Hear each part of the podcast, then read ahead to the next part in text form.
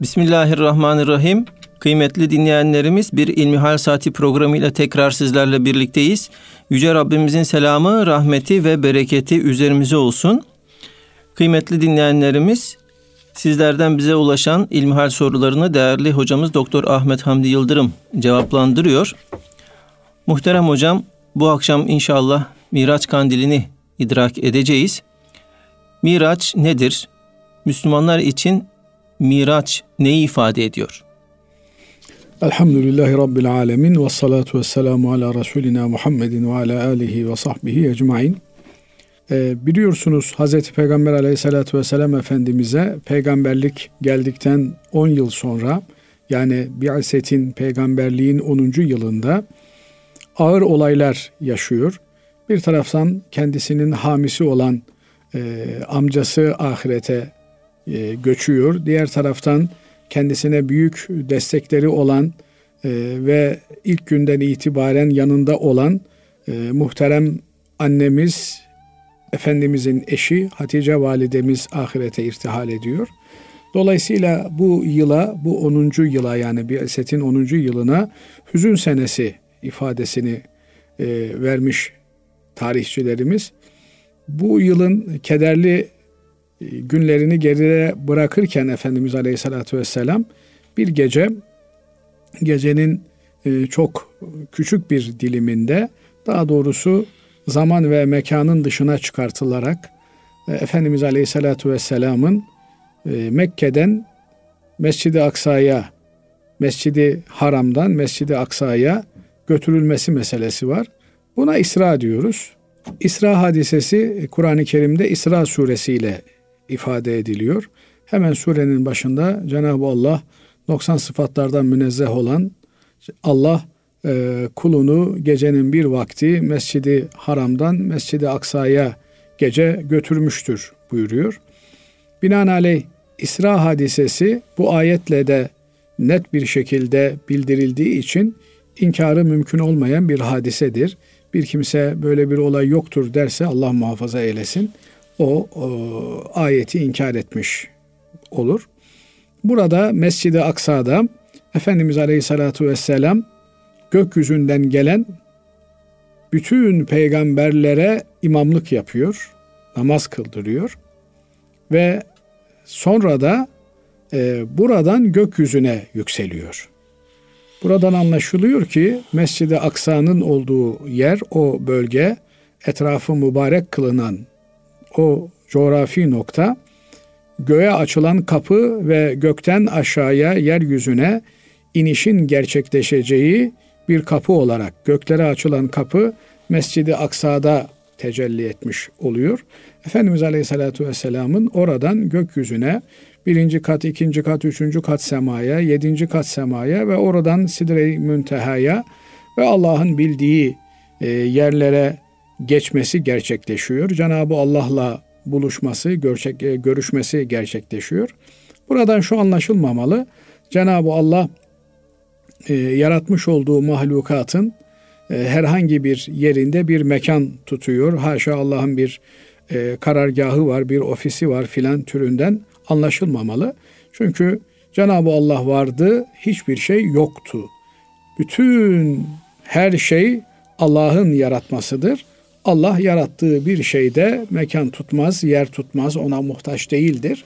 Fakat Cenab-ı Allah e, yücelik ifadesi olarak efendim e, üste anlamına gelecek bir ifadeyle e, anılır.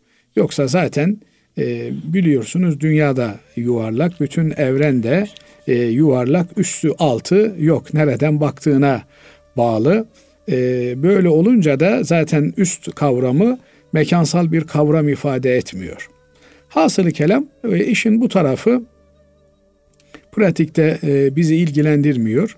Bizi ilgilen taraf, ilgilendiren tarafı Cenab-ı Peygamber Aleyhisselatü vesselam Efendimizin özel bir e, ikrama mazhar olması ve alemlerin Rabbi ile e, görüşmesi. Burada biliyorsunuz Müslümanlara, müminlere Miraç hediyesi olarak namaz farz kılınıyor. Efendim bir zorunluluk, bir yükümlülük nasıl bir hediye olur diye insan düşünebilir. Ama unutmamak gerekiyor ki namaz e, müminin miracıdır. Yani Hz. Peygamber aleyhissalatü vesselam Efendimiz'e verilen bu mucize her müminin namazda gerçekleştirebileceği bir mucize e, hüviyetindedir. Böylelikle namaz bize bir ikramı ilahidir. Allah Azze ve Celle bizi huzuruna kabul ediyor demektir. Lütfediyor, kerem ediyor. Bizi e, dinlemek üzere buyur ediyor demektir. Bu bir ikramı ilahidir. Yani bunu e, bir yük olarak görmek bir mümine asla bağdaşmaz. Değerli hocam araya giriyorum ee, çok güzel anlatırken ama şöyle büyük bir zat efendim e, bir devlet başkanı veyahut da büyük bir önder insanı davet ettiğinde insan nasıl e, seviniyor bu davetiyeyi görünce. Hani e, bu da Allahu Teala bizi namaza davet ediyor. Evet. Yani... Çok güzel ifade buyurdunuz. Hakikaten öyle. Fakat herhalde bu her gün tekerrür edince, tekrarlanınca insanda böyle bir sıradanlaşma, sıradanlaştırma e, durumu söz konusu oluyor. Bundan kurtulmamız lazım. Cenab-ı Allah bizlere böyle bir nimet lütfetmiş, böyle bir lütufta bulunmuş. Tabi bunun ön hazırlıklarını da yaparak yani önce temizliğe dikkat ederek, temizlik derken bunun sadece maddi temizlikle sınırlı görmemek lazım. İşin manevi boyutunu da ihmal etmeden götürmek lazım. Nihayetinde namaz fiziki bir buluşma değildir Cenab-ı Allah'la bir gönül buluşmasıdır, manen bir buluşmadır. Yoksa siz fiziki olarak işte kıbleye dönüyorsunuz, seccadeyi seriyorsunuz, Allahu Ekber diyorsunuz. Eğer gönlünüz namazda değilse, kalbinizde Allah'ın huzurunda olduğunuzu idrak edemiyorsanız, o zaman bu kıldığınız namaz değildir. Bu bir takım e, jimnastik hareketlerinden ibarettir. Bunları söylerken tabii ben kendime söylemeye gayret ediyorum. Çünkü e, hakikaten e, maalesef namazımızda ne kadar Cenab-ı Allah'la berabersek o kadar namaz namaz oluyor. Bu yönüyle maalesef diyorum yani e, namazda bin bir türlü şey aklımıza geliyor. Oysa namazda her şeyden soyutlanarak alemlerin Rabbinin huzurunda olmamız gerekiyor. Bunun için işte ön hazırlık yapmamız lazım ön hazırlık yapmamız lazım. Bunu Miraç'la bağlandır, e, ilişkilendirmek istiyorum. Miraç'la nasıl bir bağı vardır bunun? Hazreti Peygamber aleyhissalatü vesselam Efendimizin biliyorsunuz iki defa göğsü yarılıp göğsü e, ilahi kudret tarafından temizleniyor. İşte Elem neşrahlike sadrak suresi bir yönüyle buna işaret ediyor. Biz senin göğsünü e, açmadık mı, şerh etmedik mi? Bu açma hem e, senin göğsüne mutluluk vermedik mi, ferah vermedik mi anlamına geliyor. Hem de hakikaten manevi bir e, operasyonla, e, cerrahi bir, manevi cerrahi bir operasyonla biz senin e, göğsünü açtık ve oradaki manen bir temizleme yaptık oradakileri temizledik buyuruyor Cenab-ı Allah. Bu yönüyle de namaza bir e, manevi temizlikle girmek lazım. Yani bir şöyle göğsümüzü açıp oradaki e, Müslümanlıkla bağdaşmayan şeyleri çıkartıp atmamız gerekiyor. Göğsümüzde Müslümanlara karşı kin, nefret vesaireyi bunları çıkartıp atmamız gerekiyor. Bütün insanlığa karşı, bütün mahlukata karşı bir merhamet kuşanmamız gerekiyor. Dolayısıyla bir e, yürek temizliği yapabilirsek, bir gönül temizliği yapabilirsek, maddi manevi bir temizlikten sonra e, namazlarımıza başlarsak o zaman namazın tadını hissetmeye başlayabiliriz. Ne bileyim abdest alırken elimizi yıkadığımızda elimizle işlediğimiz günahların son damlayla beraber akıp gittiğini, yüzümüzü yıkadığımızda, kollarımızı yıkadığımızda, ayaklarımızı yıkadığımızda son damlayla beraber bu azalarla irtikap ettiğimiz, işlediğimiz günahlardan temizlendiğimizi hissedebilirsek, bu duygularla Allahu Ekber diyerek bütün dünyayı arkamıza aldığımızı, zamanın ve mekanın ötesine geçtiğimizi, çünkü Miraç zaman ve mekan kavramlarını aşarak zamansızlık ve mekansızlık alemine girmek demektir. Bunu da ruhla yapabiliriz. Dolayısıyla biz namazda ne kadar ruhen Allah'ın huzurunda olduğumuzu hissedebilir isek, Ne kadar Cenab-ı Allah'ı düşünebilirsek o kadar bizim namazımız namazdır. Bizim namazımız miraç olmuş demektir. İşte miraç münasebetiyle biz namazlarımızı bu yönüyle bir muhasebe etmemiz lazım. Yani Cenab-ı Allah bize günde beş vakit miraç yapma imkanı bahşediyor. Allah'ın huzuruna kabul ediliyoruz. Fakat o huzurda bulunmaktan ne kadar istifade edebiliyoruz? Yahu huzurda biraz daha kalayım diye mi can atıyoruz? Yoksa böyle haşa yasak savar gibi çabucak e, namazı kılıp işimize bakalım mı diye düşünüyoruz. Namazdan başka ne işimiz olabilir ki? Yani düşünebiliyor musunuz? Biz ancak namazda huzura kavuşuyoruz. Eğer bir insan namazını geçiştirerek kılıyorsa hayatının gayesini kaybetmiş demektir. Bu yönüyle namaz eğitimine ihtiyacımız var. Maddi manevi namaz eğitimine ihtiyacımız var. Namazın bütün şartlarına yönelik bir eğitime ihtiyacımız var. Miraç geceleri bu eğitimi kazanabilmenin bir yönüyle imkanını bizlere bahşediyor. Bu noktadan iyi değerlendirmek lazım. Miracı e, namazla kazanabileceğimizin şuurunda olmamız gerekiyor.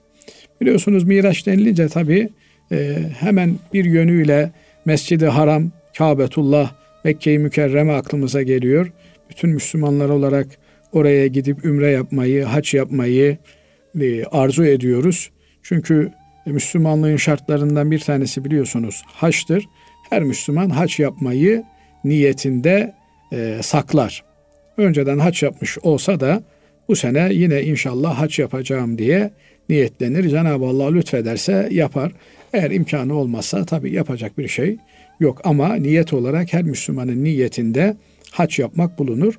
Müslüman ya hacca niyet eder ya cihada niyet eder. Cihat tabi sadece savaş meydanlarında yapılmıyor. Her yerde e, bir cihadımız devam ediyor. Yani Allah için bir mücadele, Allah'ın dinini egemen kılmak için, hakim kılmak için bir mücadele devam ediyor. Diğer yandan yine Miraç denilince, İsra denilince aklımıza Beytül Makdis geliyor, Kudüs geliyor. Kudüs bugün maalesef e, işgal altında. Oysa Efendimiz Aleyhisselatü Vesselam'a annelerimizden Meymune validemiz Ya Resulallah diyor Kudüs'le ilgili e, görevimiz, vazifemiz nedir anlamına bir soru sorunca Efendimiz oraya gidip iki rekat namaz kılabiliyorsanız gidin namaz kılın buyuruyor. Bugün e, Mescid-i Aksa'da gidip iki rekat namaz kılma imkanı birçok Müslüman için söz konusu değil. Çünkü gittiğimde ben de bizzat şahit oldum ki Mescid-i Aksa'nın yanında bulunup da mescide alınmayan, yasaklı e, olan insanlar var. Oradaki e, işgal unsurları Müslümanların mescide girmelerini yasaklıyorlar. Adeta bizim keyfimize göre biz müsaade edersek burada namaz kılarsınız, etmezsek kılamazsınız demek istiyorlar. Demek ki Meymune validemize bir kadın olmasına rağmen Meymune validemize Hazreti Peygamber aleyhissalatü vesselam Efendimiz orada namaz kılmasını tavsiye ediyor. Daha doğrusu bu bütün Müslümanlara yönelik bir emir. Mescid-i Aksa'yı namaz kılınabilir hale getirin. Her Müslümanın rahatça namaz kılabileceği bir hale getirin. Eğer yapamıyorsanız yani e, hem fiziken mümkün değil veya işte orası işgal altında istediğiniz gibi orada gidip namaz kılamıyorsunuz türünden bir mesele söz konusu ise o zaman kandillerinde yakılmak üzere zeytinyağı gönderin, yağ gönderin diyor Hazreti Peygamber Efendimiz. Buradan da şunu anlayabiliriz. Yani e, Mescid-i Aksa davasını görünür kılın. Bütün Müslümanların gündeminde canlı olarak tutun. Böylelikle e, Mescid-i Aksa'nın Müslümanların bir namus meselesi olduğunu, bir kutsiyet meselesi olduğunu. Kutsiyet demek namus demek yani arınmak, aklanmak, paklanmak, temizlenmek demek. Mescid-i Aksa'ya hakim olan dünyaya hakim olmuştur tarih boyunca ve yine öyledir. Müslümanlar yeryüzünde egemenliklerini kaybettiklerinde Mescid-i Aksa'yı da kaybetmişlerdir. Bugün öyle bir hazin manzarayla karşı karşıyayız. Ama Mescid-i Aksa bütün Müslümanları birleştirici bir simge olarak önümüzde duruyor. Mescid-i Aksa esaret altında olduğu sürece orayı işgal güçleri işgal etmeye devam ettikleri sürece Müslümanların başka bir şeyle meşgul olmaları, eften püften sebeplerle birbirlerinden ayrışmaları doğru değildir. Önümüzde bizi birleştirici olan, bütün Müslümanları birleştirici olan, bütün insanlığı hatta birleştirici olan bir e, Mescid-i Aksa davası vardır. Binaenaleyh bu yönüyle e, bizim bugünlerde daha yoğun bunu hatırlamamız gerekiyor ve çocuklarımızın zihinlerine bunu nakşetmemiz gerekiyor. Bunun da yolu Mescid-i Aksa'yı namaz kılınabilir hale getirecek olan nesiller namazı kılan nesillerdir. Namazı geçiştiren, savuşturan, alet, la alet tayin kılan, efendim sünnetinden yiyen, vacibinden yiyen, farzından çalan kimseler bırakın Mescid-i Aksa'yı namazı kaybetmişlerdir. Namazı kaybedenlerin Mescid-i Aksa'yı kazanmaları mümkün değildir. Dolayısıyla namazlarını Miraç şuuruyla kılanlar Mescid-i Aksa'yı işgal altında tutmaya gönülleri varmayan kimselerdir. Eğer bugün Mescid-i Aksa işgal altındaysa demek ki bizim namazlarımız namaz değil. Biz namazda Allah'ın emrettiği namazı kılmaktan aciz kalmışız demektir. Elbette bunun anlamı işte adam gibi namaz kılamıyoruz diye namazı terk edelim değil. Ama namazı namaz gibi kılmayı hedefleyelim. İnanın e, namazda şu dünyadan soyutlanıp Allah'ın huzurunda olduğumuzun idrakine varsak birçok şey değişir. Öyle bir menkıbe anlattılar. Onunla soruyu bitirmiş olalım müsaadeniz olursa Basri Hocam. Ee, Bursa'dan güzel bir abimiz e, dert yanıyor. Biraz da bir abimize efendim diyor ben diyor e, geceleri tesbih çekmeyi maalesef ihmal ediyorum diyor. Yatsı namazından sonra diyor iki rekat namaz kılayım diye namaza duruyorum diyor. Bakmışım diyor ezanlar okunmaya başlamış diyor. O nasıl bir zevk, nasıl bir tad alıyorsa namazdan, namazda kendinden geçiyor. Zaman duruyor. Mekan mefhumu aradan çıkıyor ve e, tekrar sabah ezanlarıyla ancak kendisine geliyor. Cenab-ı Allah'a dua ve niyaz ediyoruz ki böyle bir namaz şuuru bizlere nasip eylesin. Böyle bir namaz kılmayı bize ve bizim zürriyetimize, gelecek kuşaklarımıza nasip eylesin. Ee, Basri Hocam İbrahim Aleyhisselam'ın yeryüzünde tek derdi vardı, tek dileği vardı. Ya Rabbi beni ve benim zürriyetimi namaz kılanlardan eyle diyordu. Eğer bir insan çocuklarım namaz kılıyorlar mı? Kılmaya devam ederler mi? Hadi benim çocuklarım kılıyor ama onların çocukları namaz kılacaklar mı? Derdini saklamıyorsa söyleyecek söz bulamıyorum.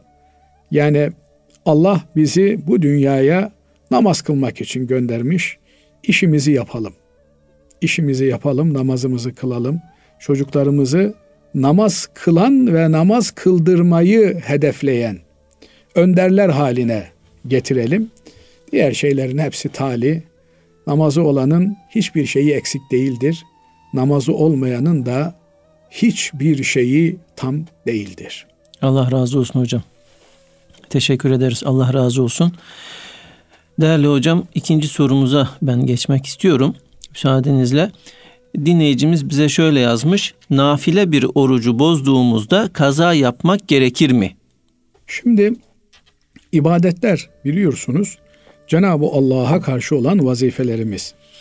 Bir takım vazifelerimiz, ibadetlerimiz var ki bunu Cenab-ı Allah bizden istemiş, bunu yapmamız farz.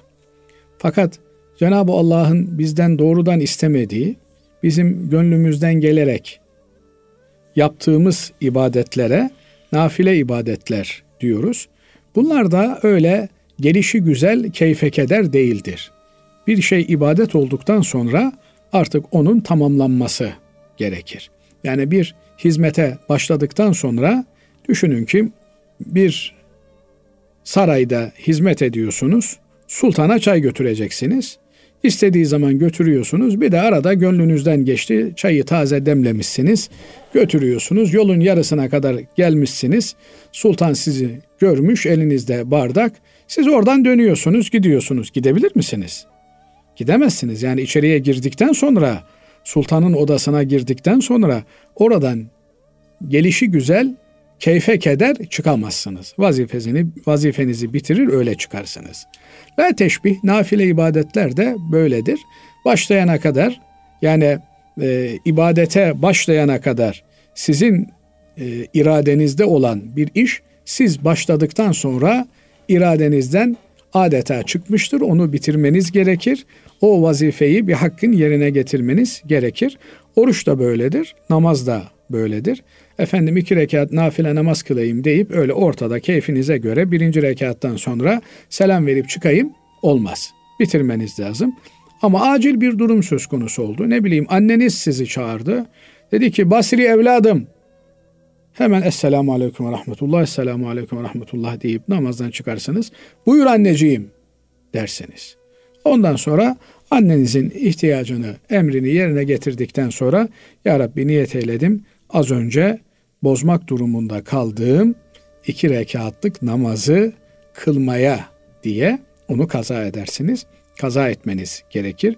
Çünkü artık başlamakla o tescillenmiş demektir başlanmış bir ibadet gelişi güzel bozulamaz. Bozulursa tekrar kaza edilmesi gerekir, tamamlanması gerekir. Oruç ibadeti de böyledir.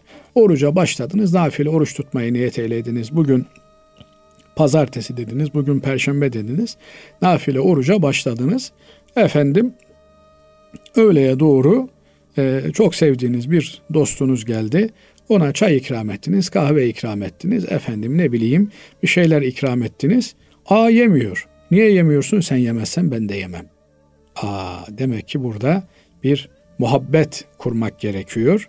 O zaman peki ben de yiyeyim dersiniz. O dostunuzun gönlünü yapmak için, hatırını yapmak için, onun yemesini temin etmek için siz orucunuzu bozmuş olursunuz. Böyle sebeplerden oruç bozulabilir mi? Nafile oruç evet böyle sebeplerden bozulur. Çünkü bunlar meşru bir sebep. Yani bir müminin gönlünü yapmak, bir mümine yemek yedirmek, ikram etmek daha faziletlidir. Binaenaleyh bir mümine yemek yedirmek daha faziletli olduğuna göre daha faziletliyi gördüğünüzde daha az faziletliyi ikinci plana bırakabilirsiniz. Mesela anneniz sizi çağırdı bir de e, arkadaşınız çağırdı. Hangisine icabet edeceksiniz? Annenize icabet edeceksiniz. Ya arkadaşım da işte e, kanım, canım, ciğerim yok. O sonradan sırası. Her şeyin bir sırası var. Binaenaleyh o tutamadığınız, bozduğunuz oruç ne olacak? O artık kazası vacip hale gelecek. Dolayısıyla o orucu öyle tutsaydınız la teşbih yüz sevap alacaktınız. Nafile ibadet diye. Mesela diyorum yani öyle olduğundan değil de mesela e, bu mesele de mesela da yanlış anlaşılmasın. Ama vacip olarak tutarsanız o yüzü artık binlerle çarpın. Yani normalde e, 100 sevap kazanacakken 100 bin sevaba dönmüş olur. Evet. Bu yönüyle de aslında e, burada ticari bir yönüyle bakmak lazım. Yani ahiret kazancı yönüyle bakmak lazım. İftara beş kala bile bozmuş selefi salihin. Yani birinin gönlünü yapması gerekmiş. İftara beş kala ona bir şey ikram etmiş. Sen yemezsen ben yemem demiş. E madem öyle ben de yiyeyim seninle demiş. Ya beş dakika daha dursaydın da orucunu bitirseydin. E bu adamlar akıllı adamlar. Yani fırsatını bulmuş keyfe keder değil. Allah kimin işi yapmacık yaptığını, kimin gönülden yaptığını bilir. Gönülden fırsatını bulduğunda ben diyor böyle bu orucu tutsam yüz sevap alacağım ama bir Müslümanın gönlünü yapmak için bu orucu bozsam nafile oruçtan bahsediyoruz. Nafile orucu bozsam bunu kaza ettiğimde yüz bin alacağım. Hangisi daha avantajlı? Elbette yüz bin almak daha avantajlı. Bunu böyle yapmışlar. Ee, Müslüman e, her daim tercih karşısındadır. E, tercihlerini de en hayırlı olandan yana kullanır. Evet. Allah razı olsun kıymetli hocam.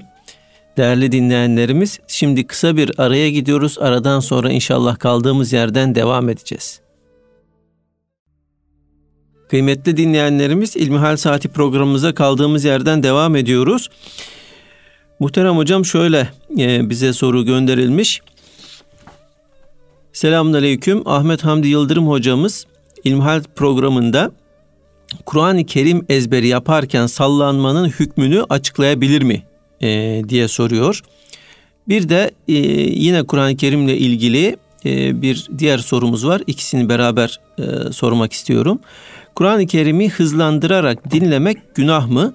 Bazı player'larda iki veya üç kata hızlandırabiliyoruz. Bu şekilde okunup dinlenebilir mi? diye soruyor dinleyicilerimiz. Evet, e, dilimizin döndüğünce cevap vermeye çalışalım. Önce şunu ifade edelim ki Kur'an-ı Kerim okumaktan maksat Cenab-ı Allah'ın karşısında, onun huzurunda bulunmaktır. Bu bir. Çünkü e, Kur'an-ı Kerim okumak e, la teşbih Cenab-ı Allah'la konuşmak demektir. Kur'an-ı Kerim Cenab-ı Allah'ın kelamıdır. E, onun kelamını okuduğumuzda Allah'la konuşmuş oluruz. Bir kimse yemin etse ki ben Allah'la konuşacağım diye Kur'an-ı Kerim okursa yemini yerine gelmiş olur. Bu yönüyle Kur'an-ı Kerim okumayı ister manasını bilelim ister bilmeyelim Cenab-ı Allah'la konuşma olarak görmemiz ve böyle değerlendirmemiz gerekir.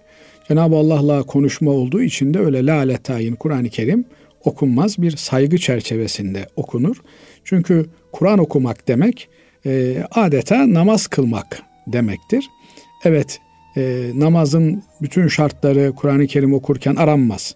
Ama e, Kur'an-ı Kerim namazın bir rüknü olduğu için namazda biliyorsunuz en ana ibadetlerimizden bir tanesi Kur'an-ı Kerim okumaktır. E, bu yönüyle namaza benzer Kur'an-ı Kerim okumak. E, olabildiğince adabına uygun bir şekilde olmamız gerekir. Kur'an-ı Kerim'i tutacaksak muhakkak abdestli olmamız gerekir. Okumak için muhakkak gusül abdestimizin bulunması gerekir. Gusül abdesti alma durumunda olan kimse yani cünüp bir kimse Kur'an-ı Kerim okuyamaz. Kur'an-ı Kerim'i dizüstü otururuz mümkün mertebe. Kıbleye dönük olarak okuruz. Şimdi hafızlık yaparken tabi bazen e, bu noktayı göz ardı ediyoruz. Yani maksadın sadece ezber olduğu düşünülüyor. Ezberlemek için adeta her şey mubahmış gibi görülüyor.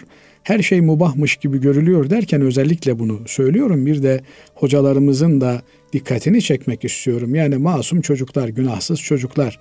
Bunlar Kur'an-ı Kerim ezberlemeye çalışıyorlar, gayret ediyorlar. Ezberleyemediler diye dayak atılmaz, dövülmez, kötü söz söylenmez, gönülleri kırılmaz. Çünkü e, Kur'an-ı Kerim okumak bir ibadettir. Allah'ın huzurunda bulunmaktır.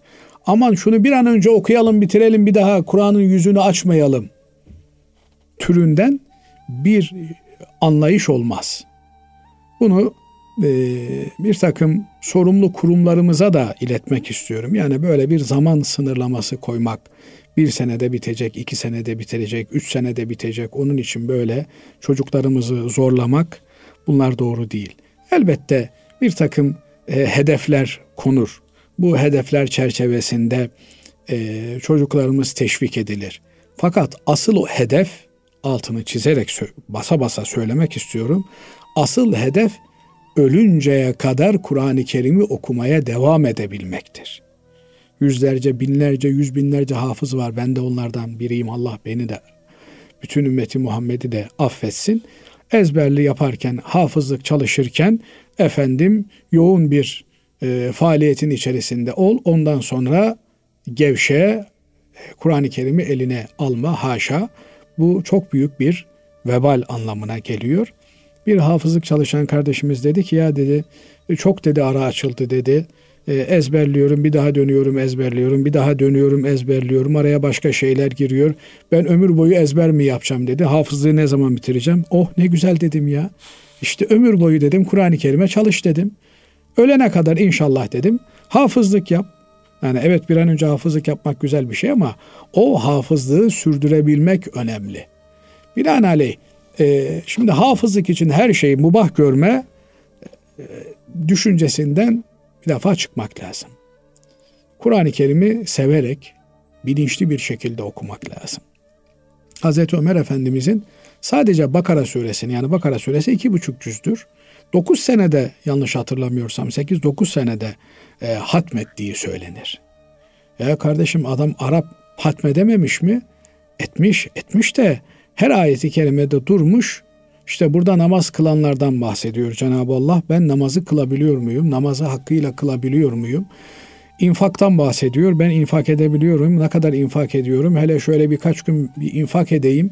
Buradaki infak ayetinin ne demek istediğini ben e, kavrayayım ve bunu hayatıma tatbik edeyim. Kur'an okumaktan maksat aynı zamanda da ilahi emirleri, talimatları hayatımıza aksettirmektir. Yoksa gelişi güzel metin okumak demek değildir. Bunlar tabii e, onun için özellikle başta ifade etmeye çalıştım. Kur'an-ı Kerim okumaktan maksat Allah'ın huzurunda olduğumuzu, Allah'la konuştuğumuzu bilmektir. Manasını anlasak da anlamasak da bu böyledir. Mamafi bir Müslüman, Türkiye'li bir Müslüman Kur'an-ı Kerim'in epey bir manasını anlar. Dikkatli olarak okuduğunda, tekrar tekrar okuduğunda anlar. Dedem rahmetliyi ben hep Kur'an-ı Kerim okurken hatırlarım. Ee, ahir ömrüne denk geldim. Tabii o 80 küsür yaşlarındaydı. Ee, büyük bir musafı şerif vardı. Büyük yazılardan okuyabiliyordu. Hep ondan okuyordu. Ama e, ashabun nar geçer. Nar kelimesinin cehennem olduğunu bilir. Ya Rabbi narından bizi koru derdi. Ashabul cenne geçer. Ya Rabbi cennetini lütfet derdi.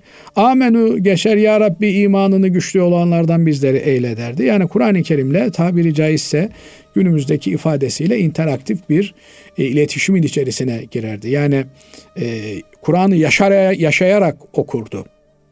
Ee, yoksa işte cüzü bir an önce bitireyim 10 dakikada bir cüz okuyayım vesaire filan e, moduyla okumak bu aynı zamanda ikinci soruya da bir cevap olsun diye söylüyorum. Yani öyle hızlandırarak iki katına çıkartarak üç katına çıkartarak işte maksat yüz defa dinledim mi dinledim. Ya, yasak savmak için bunları yapmak doğru bir şey değil. Ama e, bazen tabii e, istediğiniz kaydı bulamayabiliyorsunuz. Çok yavaş okuyor. Onu biliyorsunuz Kur'an-ı Kerim çalışanlar bilirler üç türlü okuyuş olduğunu. E, bunların işte hedir denilen hızlı okuyuşu aşmamak lazım. Yani harfleri sayabilecek kadar e, en azından bir e, sürenin olması lazım. Yoksa harfler yutuluyor, bahreçler kayboluyor ise bunu dinlemek doğru bir şey değil. Sallanma meselesine gelince sallanma bir ibadet değil. Hoş bir şey de değil çünkü biz e, sağda solda bazen görüyoruz. Yahudiler e, dini metinlerini sallanarak okurlar. Onlarda sallanma o metni okumanın bir e, parçası olarak herhalde görülüyor. Onlara benzememek için de sallanmak doğru değil. E, fakat gayri iradi olarak yani şimdi 24 e, saat Kur'an-ı Kerim'le meşgulsünüz ve ezberliyorsunuz. Oturduğunuz yerdesiniz. Burada Kur'an'ı okumanın bir parçası değil de hep oturağınızın üzerine ağırlık vermeniz bir müddet sonra e, ağrılara da sebep olabiliyor. Onun için sallanıyorsunuz ki efendim e, oturağın üzerine ağırlık basmasın diye sağa sola. Çünkü e, Cenab-ı Allah işte biliyorsunuz Kehf eshabını 300 küsür sene uyutmuş mağarada ama bir sağlarına dönmüşler, bir sollarına dönmüşler. Çünkü aynı noktada yatarlarsa zaman içerisinde e, yatak yarası denilen işte bu yatalak hastalarda meydana gelen şeyler meydana geliyor. Üzerine yattığınız taraf havasız kaldığı için, oksijensiz kaldığı için orada efendim yaralar meydana çıkıyor. Hafızlık yaparken de hiç oturduğunuz yerden kıpırdamazsanız, 2-3 saat orada kalırsanız kan devranı zorlanıyor ve rahatsız ediyor sizi. Onun için ister istemez gayri ihtiyari olarak sallanırlar. Ama bu sallanma Kur'an okumanın bir parçası olarak sallanmazlar. O oturmanın gereği olarak sallarlar. İstersen öne arkaya doğru sallan, istersen sağa sola doğru sallan. Dolayısıyla buna takılmamak lazım. Efendim bazıları bunu işte bunlar Yahudilerin adetleri bunu yapmanız doğru değil. E çocuk böyle kasarak da okuyamaz ki. Yani buna takılmamak lazım. Takınılması, düşünülmesi, üzerinde durulması gereken nokta şudur. ne olursa olsun mesela hafızlık yapan kardeşlerime özellikle şunu tavsiye ediyorum ben. Kur'an-ı Kerim çalışmaya başlamadan önce Ya Rabbi niyet eyledim senin Kur'an'ını okumaya bunu bana kolay kıl, ezberlememi bana kolaylaştır. Okuduklarımla amel etmemi bana nasip eyle. Ya Rabbi okuduğumdan hasıl olan sevabı öncelikle Hz. Muhammed Mustafa sallallahu aleyhi ve sellem Efendimiz'e, bütün peygamberani izam hadaratına, bir cümle geçmişlerimize, anamın, babamın, dedemin, hocalarımın, vefat edenlerimizin ruhlarına hediye edilmek üzere niyet eyledim ya Rabbi diyerek o şuurla okumaya başlasın. Yani lalet tayin bir metin ezberlemiyoruz biz. Allah'ın kelamını ezberliyoruz. Okuduğumuz her harfin on sevabı olduğunu söylüyor Cenab-ı Peygamber Efendimiz. Peşinden ne diyor ki elif, la, mim bir harf değildir diyor. Elif bir harftir, lam bir harftir, mim bir harftir.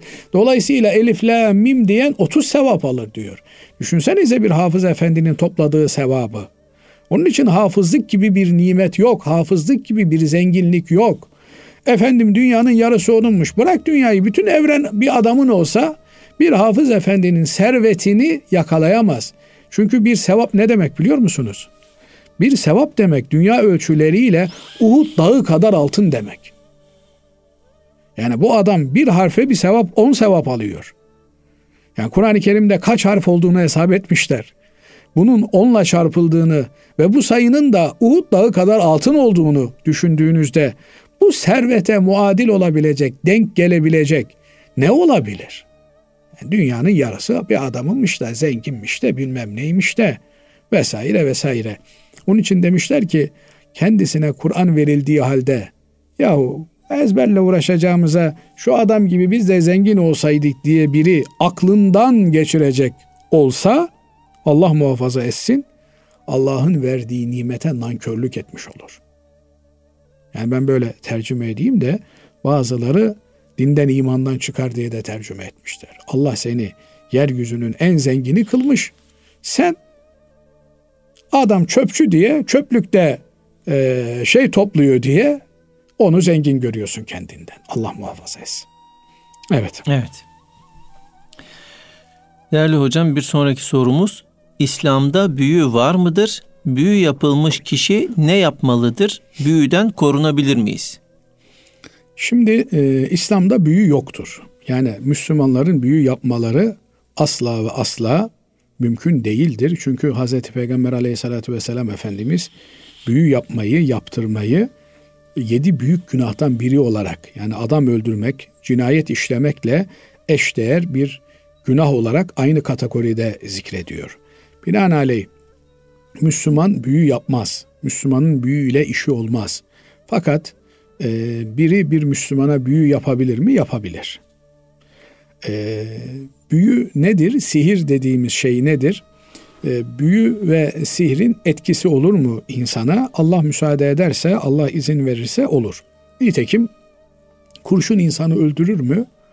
Allah izin verirse öldürür. Aynı adam e, yani iki kişi aynı yerden kurşun alıyor. Biri ölüyor, biri ölmüyor mesela. Eğer kurşun muhakkak öldürür denilse A şahsını öldürdüğü gibi B şahsını da öldürmesi lazım. Sihir de böyledir. İki kişiye sihir yapılır, birinin umurunda olmaz, öbürü bundan çok ciddi etkilenebilir. İşte bugünlerde biliyorsunuz bir salgın hastalıkla karşı karşıyayız. Ee, ben yakalandım bu hastalığa, 10 gün hastanede yattım. E öbür arkadaşımız yakalandı haberi bile olmadı. Yani virüs onda da var ama haberi bile olmadı. Dolayısıyla sihir de ki Türkçesi onun e, büyütür.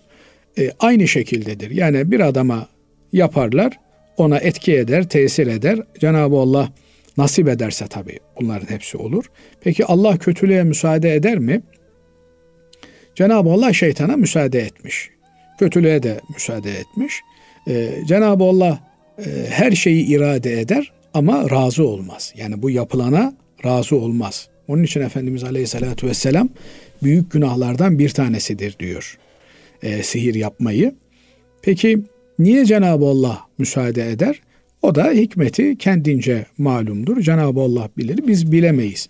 Ne yapmamız lazım? Hz. Peygamber aleyhissalatü vesselam Efendimiz buyurmuş ki, evinde Bakara suresi okunan kimselere e, sihir, büyü, cin, şeytan musallat olamaz. Yani batıl işler onun semtine uğrayamaz. Binaenaleyh evlerimizi Kur'an okunan evler haline getirmemiz lazım. Yani öyle bir denklem kurmak lazım ki işte evde beş kişi varsa e, her gün Bakara suresi okunur hale getirmek lazım veya Bakara suresinin e, tabi kalbi ayetel kürsü. Ayetel kürsüyü okuyan kimseye sabah akşam ayetel kürsüyü okuyan kimseye e, sihir büyü musallat olmaz. Tabi bunların mahiyetlerini bilemiyoruz Basri Hocam. Fakat biz Hz. Peygamber aleyhissalatü vesselam Efendimiz'den böyle bildiğimiz, duyduğumuz için bunların e, kendini manevi korumaya alan kimselere tesir edemeyeceğini söyleyebiliriz. Mesela sabah namazını cemaatte kılan bir adam, yatsı namazını cemaatte kılan bir adam Allah'ın korumasındadır. Ona şerler bulaşamaz. Binaenaleyh e, sihir, büyü, nazar ne zaman bir insana musallat olur? Manen zayıf düştüğünde musallat olur. Manen nasıl zayıf düşer insanlar? Mesela e, bir dertlenme söz konusu olmuştur. Bir acı gelmiştir, düşünmüştür, düşünmüştür, yoğun bir düşünmeye, tefekküre dalmıştır. E, maddi tarafı zayıflamış, ruhi tarafı öne çıkmaya başlamıştır, hedef haline gelmeye başlamıştır. Dolayısıyla bu esnada ona bir e, nazar değmişse, bir göz ona isabet etmişse veya e, bir takım e, kimseler e, şeytanlar üzerinden ona musallat olmaya çalışmışlarsa bunun etkisi olabilir. Ama Allah'a imanı tam olan, e, efendim e, Cenab-ı Allah'tan ve e, onun ayetlerinden güç alan bir kimseye şeytan, cin musallat olmaz. Fakat bu demek değildir ki yani bir adama şeytan musallat olmuş, efendim e, sihir yapılmış, büyü yapılmış diye bu adam kötü bir adamdır demek değil. Bazen şey de olabiliyor. Basri Hocam, e, eğer kontrolsüz bir e, evradu esker içerisine girmişse, e, aniden meydana gelen bu ani voltaj yükselmeleri veya voltaj düşüklükleri e, trafoda patlamalar meydana getirebiliyor. Böyle olunca da dışarıdan etkiye açık hale gelebiliyor. Binaenaleyh asıl olan stabil olmaktır. Yani ehli temkin olmaktır. E, normal bir hayat sürmektir. E, mesela bir adam e, birden ben bu gece işte yüz bin zikir e, e, lafzayı celal çekeceğim dese Allah Allah diye yoğun bir şekilde çekeceğim dese trafo aşırı yükselmiş olur. Aşırı yüklenilmiş olur trafoya. E, veya işte e, çok affederseniz cenabet gezer efendim tamamen uzaklaşırsa e, enerji sıfırlara yakın olursa ha, diyeceksin ki filan adamlar hep cenabet geziyorlar. Ya onlarda o stabil olduğu için yani onlara tesir etmiyor. Yani bir adam düşünün mesela adamın yüksek tansiyonu var hep e, tansiyonu e, 20'lerde. Ona 22 bir şey yapmaz ama tansiyonu hep 8-9 olan bir kimsenin tansiyonu birden 20'ye çıksa e, o adam Allah muhafaza etsin e, olumsuz şeylerle karşılaşabilir. Hasılı kelam e, bu gibi meselelerde yapılması gereken şey kişinin canlı, diri durmasıdır. Ve Cenab-ı Allah'a tevekkülünün tam olmasıdır.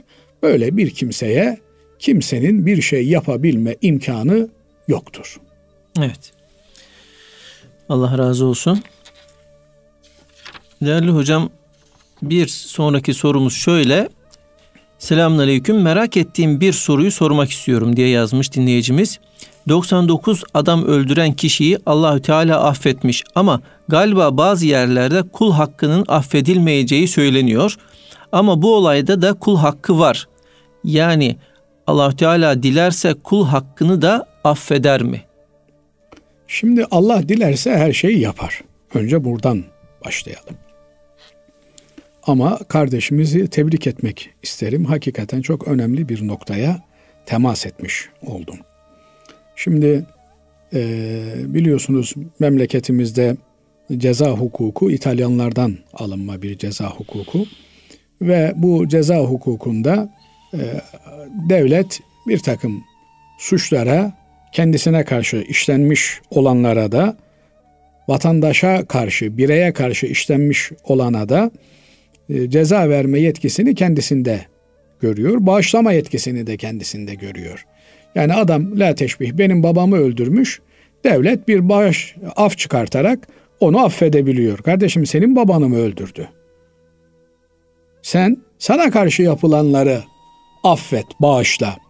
Bana karşı yapılan bir cinayeti ne hakla affetme yetkisini kendinde görüyorsun? Yani devletsin diye başıboş mu zannettin kendini? Bunun hesabını sana sorulmayacağını mı zannediyorsun? Aynen bu kardeşimizle teşbih bu noktadan meseleyi değerlendirerek yani tamam bu dünyada devlet zalimlik yapabilir ama Cenab-ı Allah adili mutlaktır. Allah zalim değildir, kuluna zulmetmez. Bir adam 99 kişiyi öldürmüş. Yetmemiş. Bir işte hadisin metninde bu var. Bu arada e, belki bilmeyen kardeşlerimiz için olayı anlatmakta fayda olabilir. Efendimiz Aleyhisselatü Vesselam buyuruyor ki eski ümmetlerde bir adam 99 kişiyi öldürmüş, tövbe etmek istemiş, pişman olmuş ve bana demiş bir hoca gösterin, bir alim gösterin ona danışayım. Yeryüzünün en alim kişisine onu göndermişler. O kişiye gelmiş demiş ki efendim demiş ben 99 kişi öldürdüm. Şimdi tövbe etmek istiyorum. Tövben var mı? Adamcağız da demiş ki kardeşim sen 99 kişiyi öldürmüşsün o kadar insanın hakkına girmişsin. Senin nasıl tövben olsun demiş. Onu da öldürmüş. Sayıyı yüze tamamlamış. Yine pişman olmuş. Bana yeryüzünün en bilgin insanını gösterin diye sormaya başlamış. Yine ehli irfan birine yönlendirmişler. Gelmiş. Demiş ki ben işte yüz kişi öldürdüm. Benim tövbem var mı? Adamcağız da demiş ki seninle tövbenin arasına kim girebilir? Yani kim mani olabilir senin tövbe etmene? Fakat demiş tövbe edebilmen için o içinden bulunduğun muhiti, çevreyi değiştirmen lazım. Adamcağız da tövbe etmiş ve e, tabiri caizse yükünü toplamış, oradan ayrılmış, bulunduğu semtten, muhitten, şehirden ayrılmış. Şimdi soru bir. Bir de ben sorayım. Kardeşimiz soruyor ya. Ne deseydi bu hoca efendi? Yok kardeşim senin e, tövben kabul olmaz deseydi e, o da ölecekti. 101.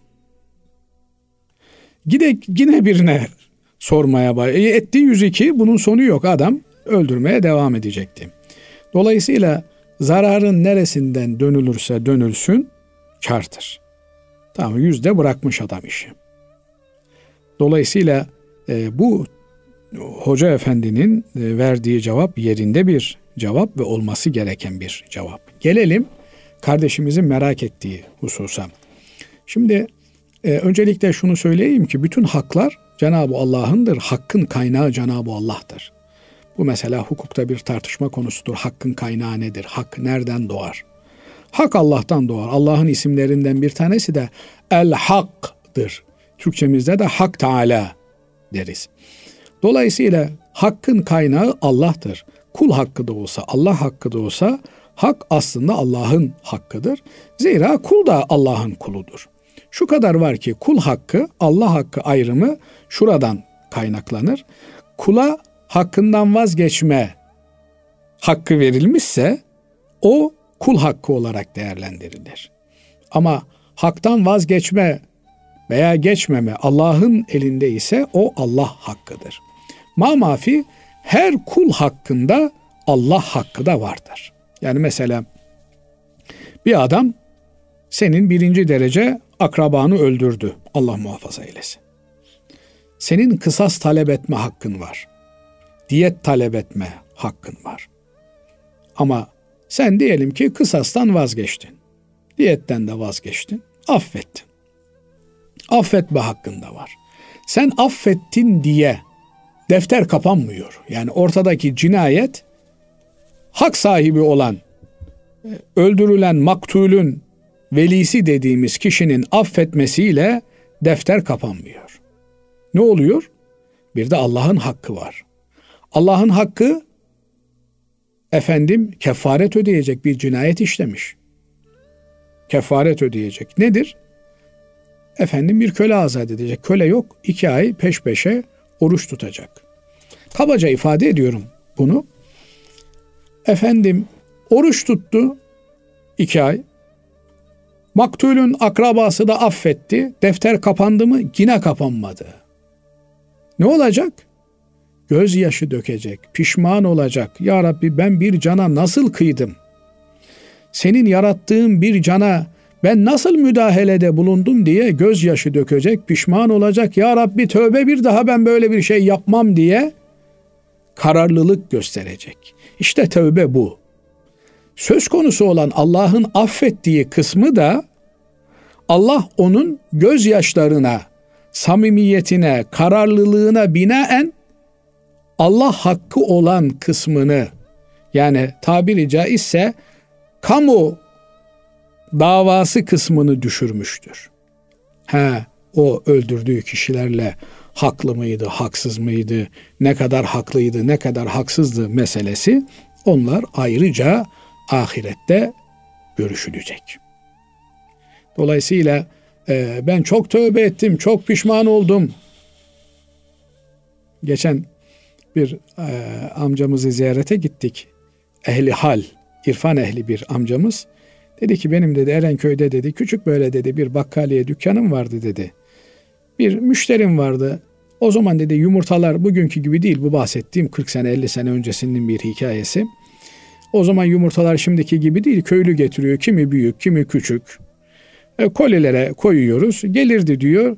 Onlarca kolinin içerisinden seçerdi diyor en irilerini. Seçsin hadi onda da bir şey yok ama bir iki tane de kırılırdı dedi. O kolinin parasını verir. Bir kolide zaten dedi bir yumurta yakalır yakalmazdı dedi. Yani o günkü kar marjları itibariyle ses çıkarmazdım dedi. Bir, iki, üç, beş böyle bir iki sene devam etti dedi. Bir gün geldi dedi ki ya dedi ben birine çok yüklü miktarda para kaptırdım dedi. Herhalde dedi e, bunların dedi hesabı oradan çıktı dedi. Hakkını helal et. Ya ben helal olsun dedim diyor. Peki dedim Mustafa amca dedim. Adam sana ya o kırdığım yumurtaların parasını vereyim dedi mi? Yok dedim. Herhalde dedim orada kaptırdığını buraya mahsup etti. Yani şimdi helalleşmek ayrı bir şey. E ama orada kırdığın yumurtalar var. Onun parasını ödemen lazım. Adam helal etti bitti. Yok öyle ya ama. Elinden gelen şekliyle bir, verdiğin zararı telafi edeceksin. İki, o e, zararı yaptığın için hak helallığı alacaksın. Üçüncüsü asıl önemlisi olan kamu nizamını ihlal ettiğin için Cenab-ı Allah'ın adil olunuz, hak yemeyiniz, kimseye haksızlık yapmayınız, zulmetmeyiniz emrini çiğnediğin için de oturup seherde ağlayacak, tövbe edeceksin. Bu söz konusu zatın, yüz kişiyi öldüren zatın kamu cihetine yönelik olan yani e, kamu hakkı mesabesinde olan hakkı, Allah hakkı affedilmiştir. Kullarla ilgili olan tarafı ayrıca görülecektir. Fakat şunu da burada söylemeden geçmeyeyim. Şimdi Allah bir kulunu cennetine koyacaksa o kuluyla dava alıcı olan kullarını uzlaştırır. Niye? Şimdi mesela benim sizden alacağım var. Basri hocam. Alacağım, alacağım diye de iddia ediyorum. E ne kadar alacağım? 100 lira alacağım. E biri gelse bana dese ki al kardeşim sana bin lira vazgeç bu alacağından. Yani bunun lafını etme dese. Ne yaparım ben? Kabul edersiniz. E, akıllı adamsam kabul ederim. Yani 100 lira nereye bin lira nereye? Ha belki dünyada yok kardeşim ben ondan 100 lira alacağım filan diye iddia edebilirim. E o zaman da o adam 100 lirayı sana verir. Sen dönersin bana verirsin. Dava kapanır mı? Kapanır.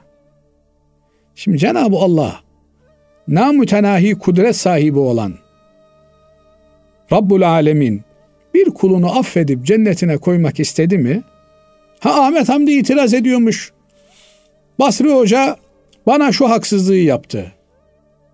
O zaman Cenab-ı Allah der ki kulum sen Basri kulumu istersen affet seni de bedavadan cennete koyayım. Yani sen burada üçün beşin hesabını yapma seni de cennete koyayım. Herhalde orada biri kalkıp da yok ya Rabbi hakkım neyse onu ver. Cehenneme ise cehenneme gideyim. Der mi? Demez.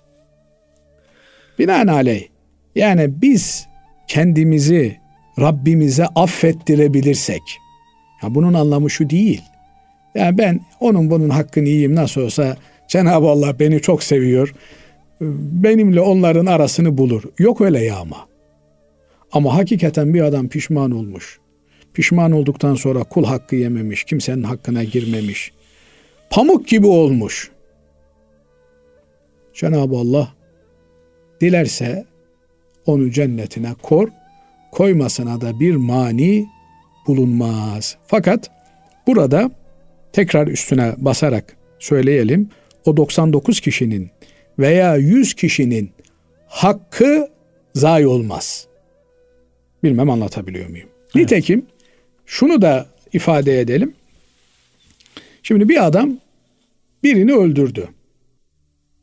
Cinayet bir kişiyi öldüren bütün insanlığı öldürmüş gibi sayılıyor. Ne oldu? Kısas istenildi. Kısasla beraber katil de öldürüldü. Adalet budur. Yani yeryüzünden cinayetin kalkması için katilin öldürülmesi lazım. Yok efendim biz onu 10 yıl öldürmek vahşi bir şey, öldürmek barbar bir şey, barca barca bir şey ise öldürmeseydi. Eğer katil karakter haline gelmişse bu, bugün salı verirsin, yarın yine birini öldürür. Dolayısıyla ben ee, şunu teklif ediyorum.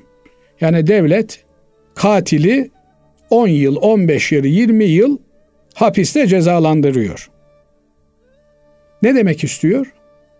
Bu adam diyor cani ruhlu bir insandı. Ben onu hapiste 10 yıl, 15 yıl, 20 yıl terbiye edeceğim ve bir daha cinayet işlemeyecek. Eğer hapisten çıktıktan sonra bir daha cinayet işlerse o cinayetin bedelini devlete ödettirmek lazım. E kardeşim, bu adam bir cinayet işledi.